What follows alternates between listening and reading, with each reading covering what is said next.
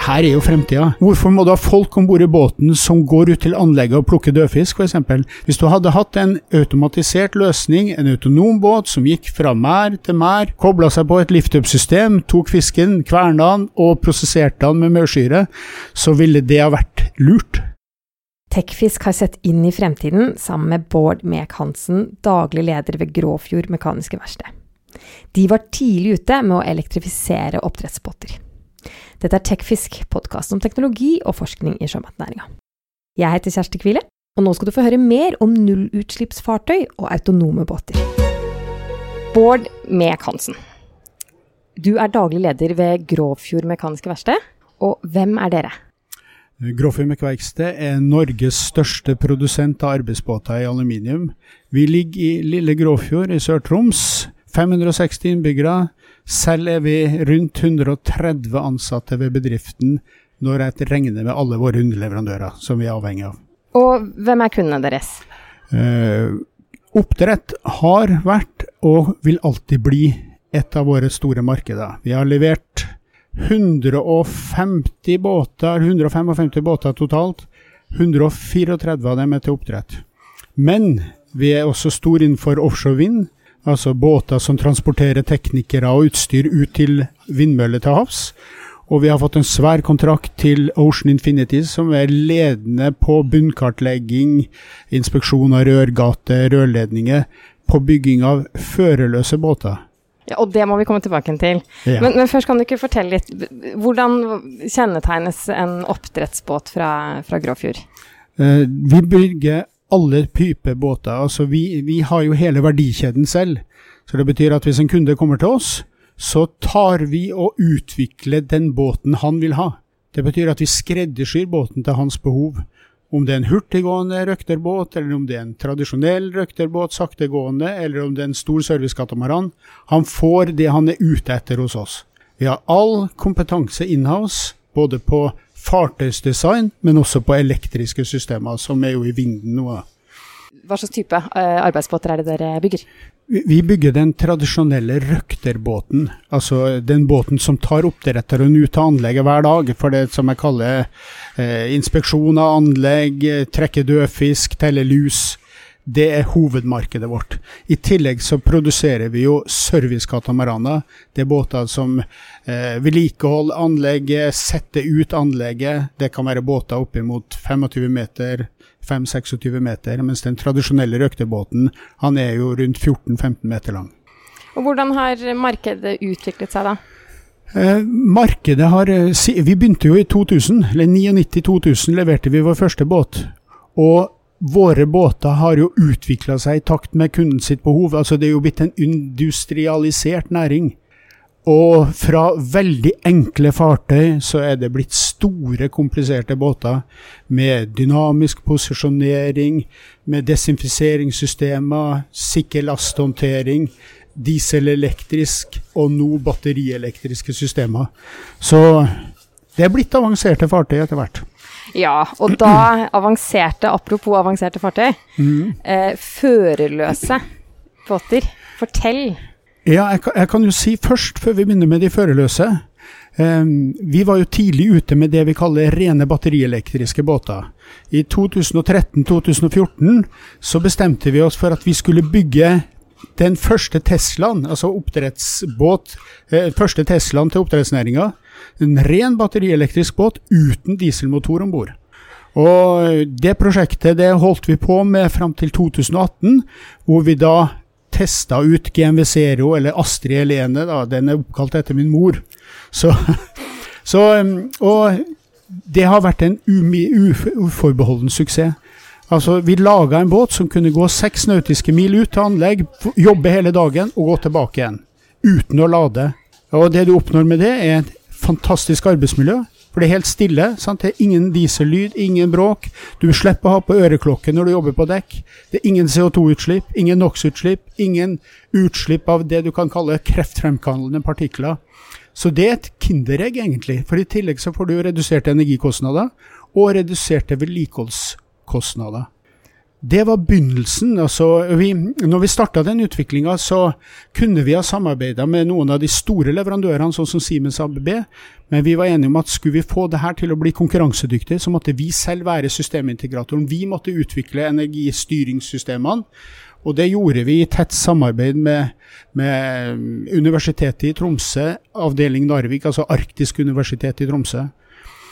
Den kompetansen som vi erverva på GMV Zero, var la grunnlaget for Pelikan, som er den søppelplukkebåten som går i Oslo, som også har blitt en fantastisk suksess for oss. da. Fungert 100% fra vi leverte den til dags dato. Og um, da er vi inne på sporet av det som du innleda med, for at neste skritt da er jo sånt nullutslippsteknologi, førerløs teknologi. Hvorfor skal du ha folk om bord i båten? Den kontrakten vi har med Ocean Infinity, det er jo eh, ni båter som skal kunne gå over hele verden. Fire av dem skal i tillegg kunne transporteres med fly rundt omkring i verden. De skulle kunne settes inn på kort varsel overalt i verden. Eh, ingen folk om bord. De kan sette ut REV, de kan foreta inspeksjoner. Fra, styrt fra baser i Houston, Southampton, Singapore. Vi gjør den styrbar. Det er andre som styrer den, men vi gjør den styrbar. Hvordan er den teknologien utviklet? Eh, den, vi, vi, vi, er jo avhengig av teknologi som andre har tatt frem, men vi programmerer løsningene som gjør det mulig. Så eh, vi har jo en ganske stor elektroavdeling som lager de styringssystemene her, som lager automasjonssystemene, som lager mann-maskin-interfacen. Og vi har som ambisjon at vi skal levere våre egne automasjonssystemer til alle typer fartøy som vi lager. I dag leverer vi det kun til de batterielektriske, men i fremtida vil vi levere det til alle fartøyene. Men uh, er de testferdige? Kan disse båtene nå bygger Nei. Nei. Så hva, skje, hva, hva, skje, hva, er, ja, hva, er, prosessen da som skjer nå? For de er under bygging? Ja, de er under bygging. Mm. Og nei, altså, det blir på en tradisjonell måte. Altså når vi er klar, altså vi starter det vi kan kalle hattsatt, altså tester ved havn og tester i sjø, så vil man jo teste ut de systemene som man har implementert om bord. Og det blir jo gjort i nært samarbeid med underleverandørene våre.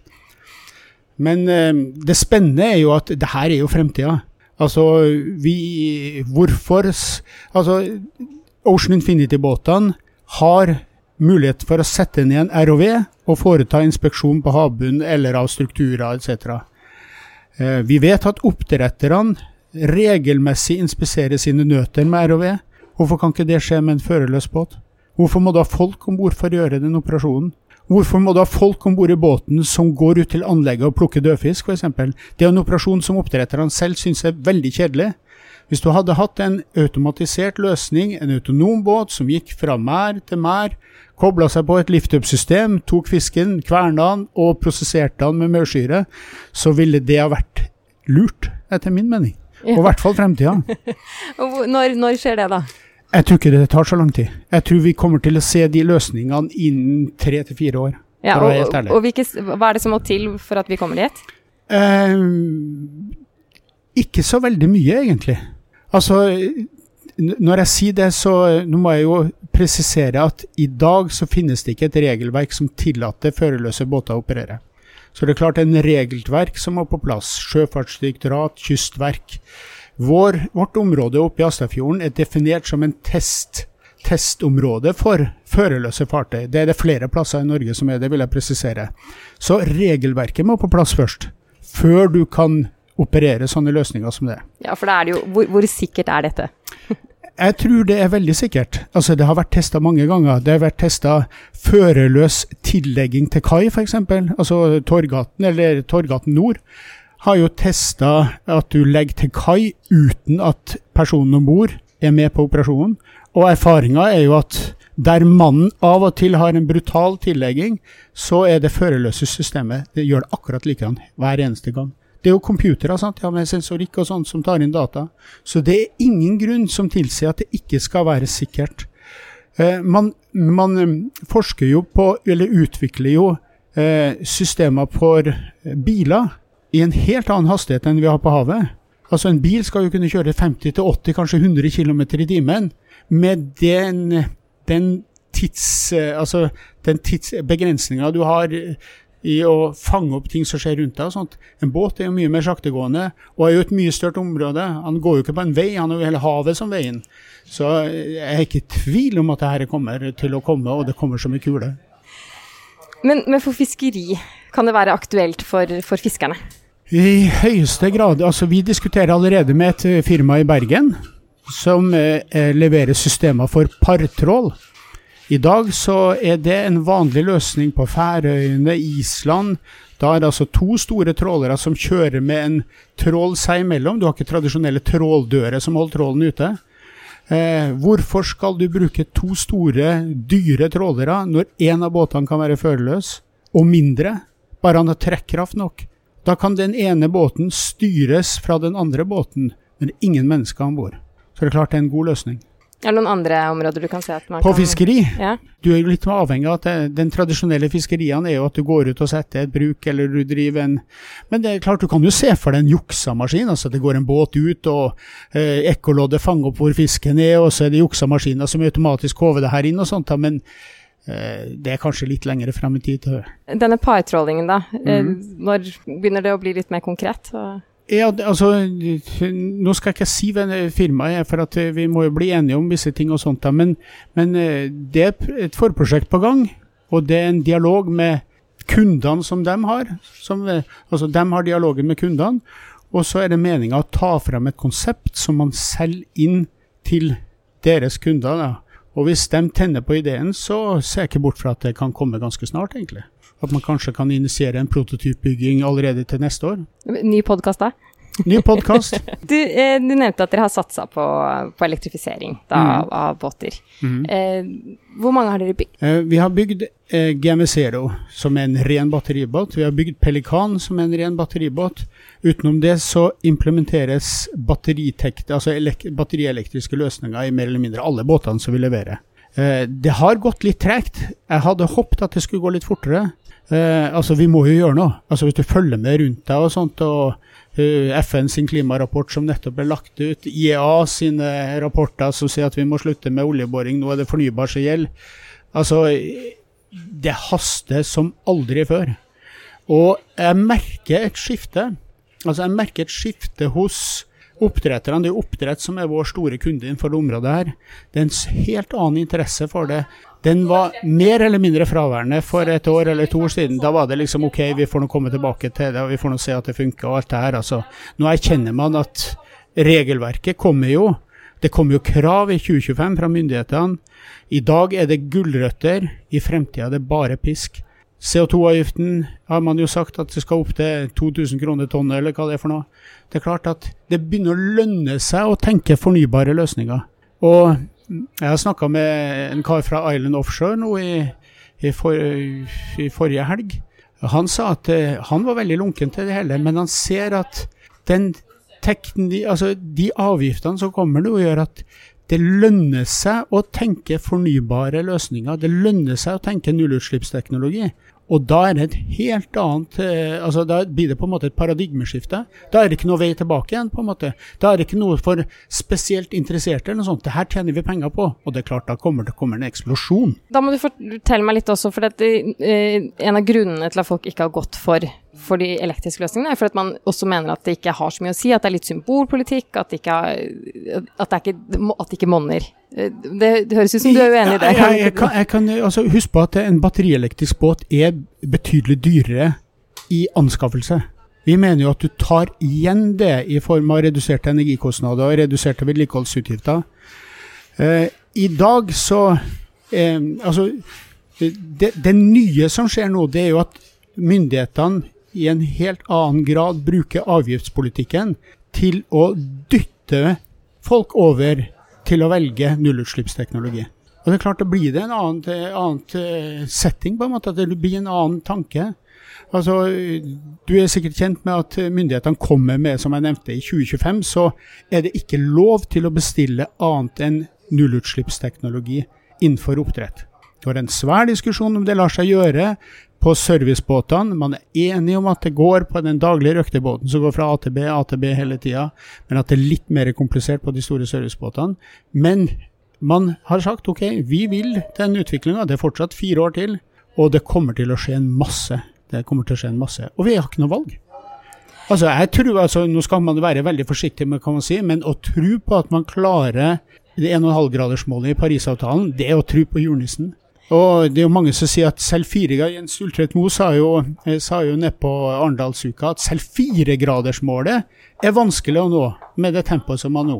Så det er klart at da er det jo Ja, det er dystre utsikter, for å være helt ærlig, men vi må jo bare gjøre det beste ut av det. Og jeg tror det går fort når det først kommer.